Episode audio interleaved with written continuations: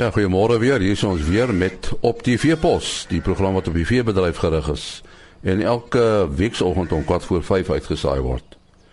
Ons praat vanoggend oor wildvoeding, meel of pille. En dan is daar ook 'n gesprek oor biltong.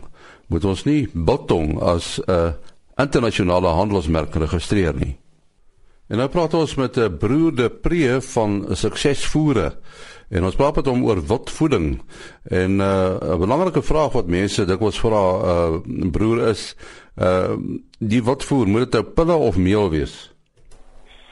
Nee, ek wil net so aan die begin dit net duidelik stel. Ek is nie 'n voedingskundige nie. Ek is eerstens 'n 'n wildboer en dan ook betrokke by suksesvoere.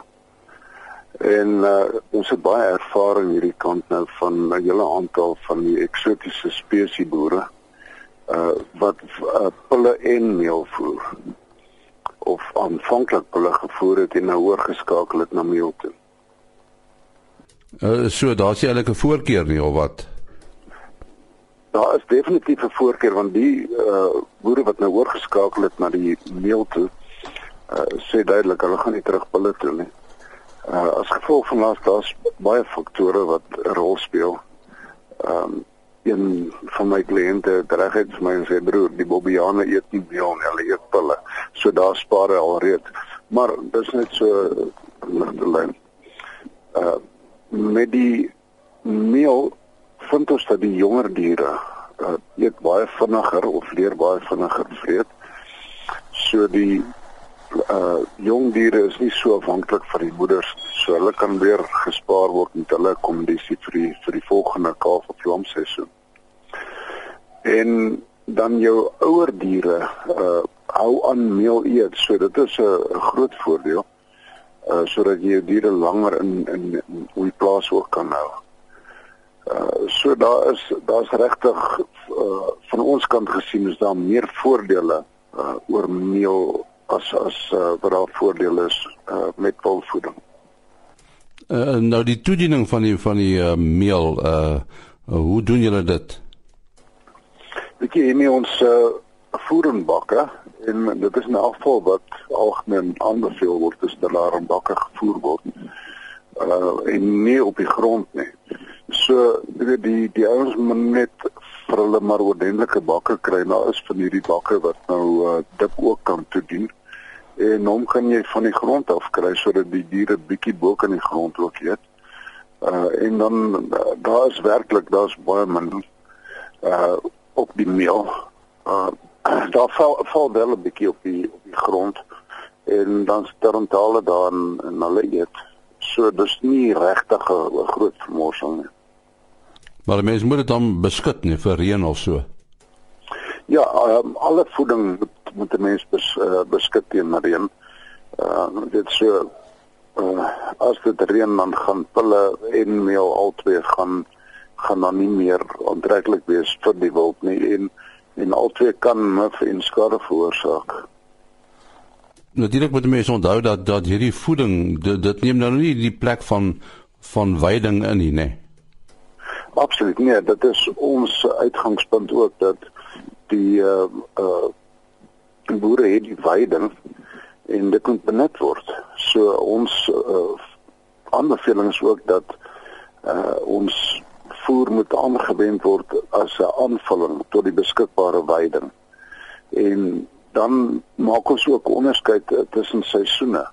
Uh met wat beskikbaar is op die veld en wat ons dan aanvul. So dit maak vir ons baie makliker met die byvoeding van diere dit ons is nie met 'n voerkraal spesies besig nie en wat ons gevind het dat die diere eet by die bakke en dan gaan wy hulle weer en so los hulle dan ook die die voerstelsel matig wanneer die weiding weer volop beskikbaar is.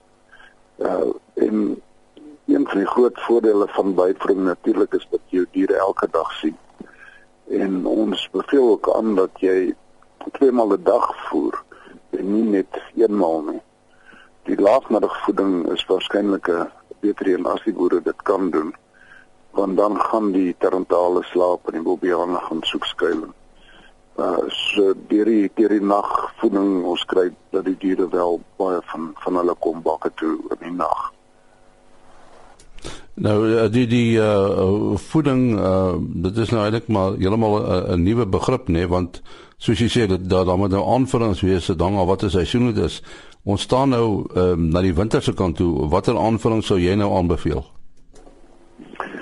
Weet jy nie daar hang dit ook af van van spesies soos uh, weet jy vol en level bees hulle is uh groot vreters en mense sal daar met 'n uh, uh waarskynlik 'n onderhoud rantsoen met 'n 12% proteïen gaan 'n mens baie goeie resultate daar kry.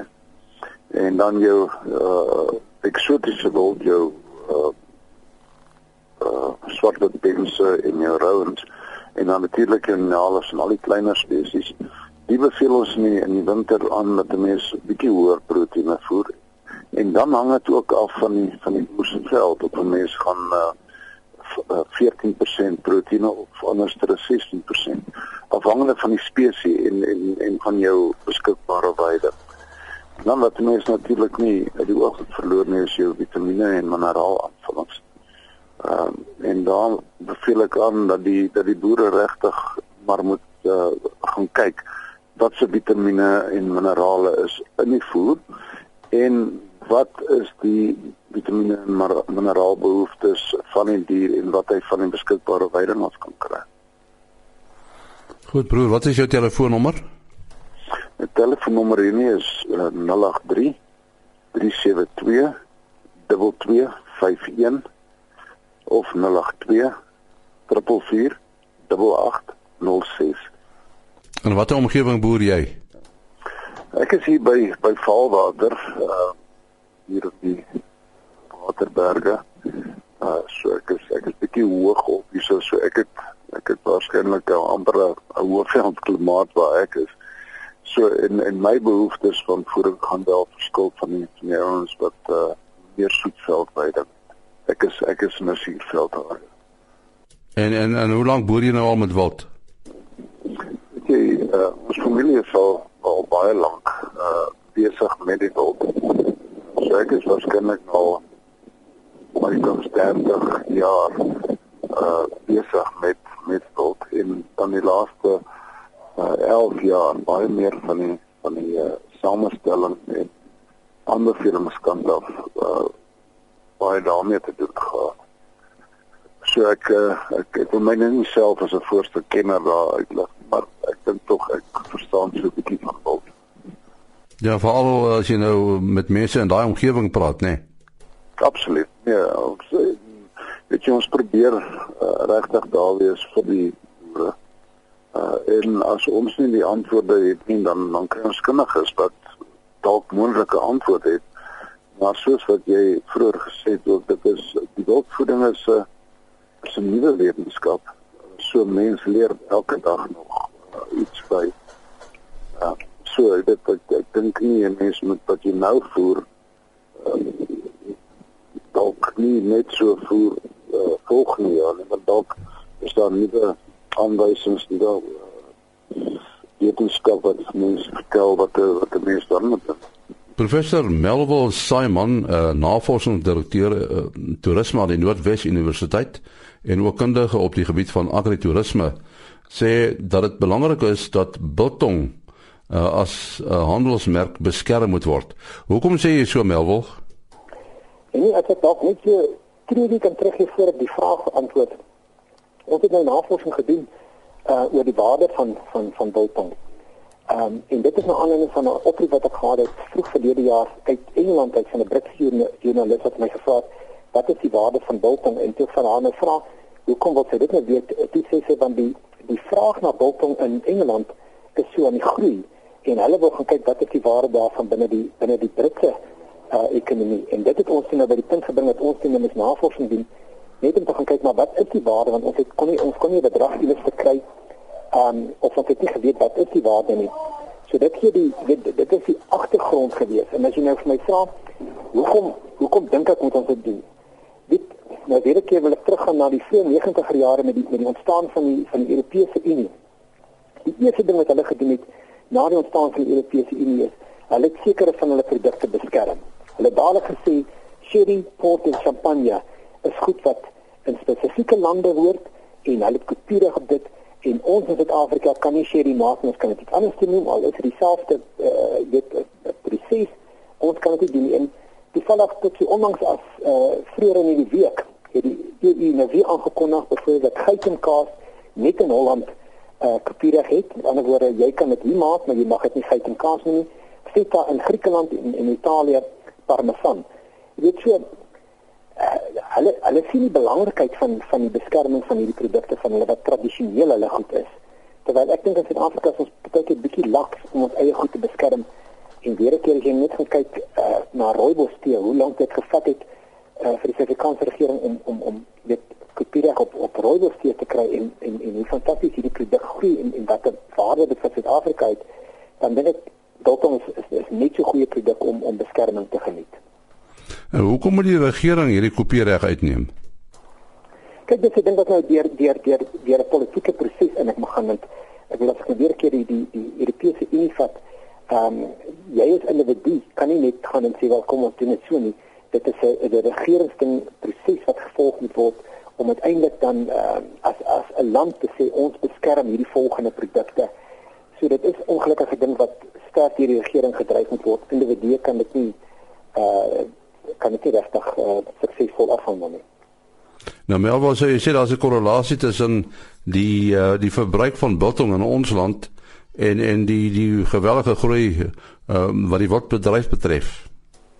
Ek dink so. Ek dink so en weer ek as jy gaan kyk na na na die tendense van ouens en wat hulle eet en so aan ehm um, biltong het het gegroei, maar nou as jy ook gaan kyk na na die redes hoekom hy hoekom hy as as gewildheid groei ehm um, weet tradisioneel was daar net die tipiese biltong soos ek dink almal van van die luisteraars en ken die stuk vleis uh, wat nou maar primêr eerstens maar uh, beesbiltong was.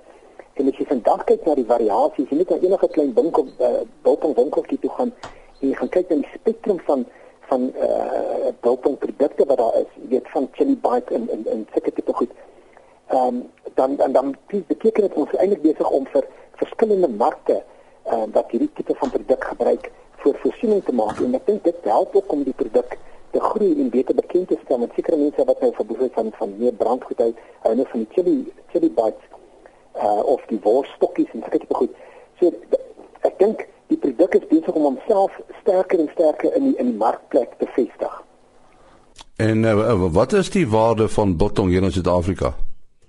Kyk, ehm um, die die die, die opname wat ons gedoen het was net onder slaghuise in Suid-Afrika en en daai bedrag sê dit dit sluit nou uit supermarkverkope en dan die kikkers en pick n pay en hierdie uh en dit sluit uit hierdie hierdie klein biltongwinkeltjies wat jy normaalweg in hierdie groot sentrums kry wat nou net uh, die tipiese biltongprodukte verkoop. Maar die totale waarde wat ons gekyk het is uh, 2.7 miljard. So dit dit is 'n redelike 'n groot bedrag. Ja, en jy sê dit is konservatief bereken. Ek ek dink verseker so dat ek ek, ek dink uh, as jy nou die die die die die, die supermarkte bybring plus natuurlik al hierdie klein ehm um, bokenwinkeltjies uh, wat net hulle bestaan uit daai verkoop uitmaak dan dink ek hierdie bedrag is is 'n ver onderskatting van die totale waarde. Maar maar botong is nou botong, dit sluit nou nie droë wors in nie. In in in die breë spektrum ehm um, sluit dit wel in. Ehm um, omdat hy eintlik maar 'n soort van 'n van 'n behalwe ek sê 'n voortvloeisel is uit uit die tradisionele biltong uit. Ehm um, so gewoonlik wanneer ons na biltong verkoop kyk, dan kyk ons na na na die hele gedroogde vleis as ek dit so kan noem, vleiskomponent. En en soos jy sê, dit is 'n belangrike onderdeel van agritourisme, né? Verseker, verseker, as jy net net weer terugvat na die na die na die wildbedryf en natuurlik ons sien hoe die wildbedryf besig om te groei in Suid-Afrika. Ehm um, en ons sien dat hierdie die jy kry meer uh, wildsplase wat wat uh, wat uh, in in in mark kom en meer mense het oorskakel na na wildbedryf. Dan dink ek hierdie is een van die maniere om om van oorskot diere soort van dit af te haal van plase af en wat waarde te voeg tot uh, tot uh, dierlike produkte. Jy, jy jy doen nou 'n beroep op die regering, maar is daar 'n proses wat gevolg moet word om die regering sover te kry om die biltong handelsmerk te registreer?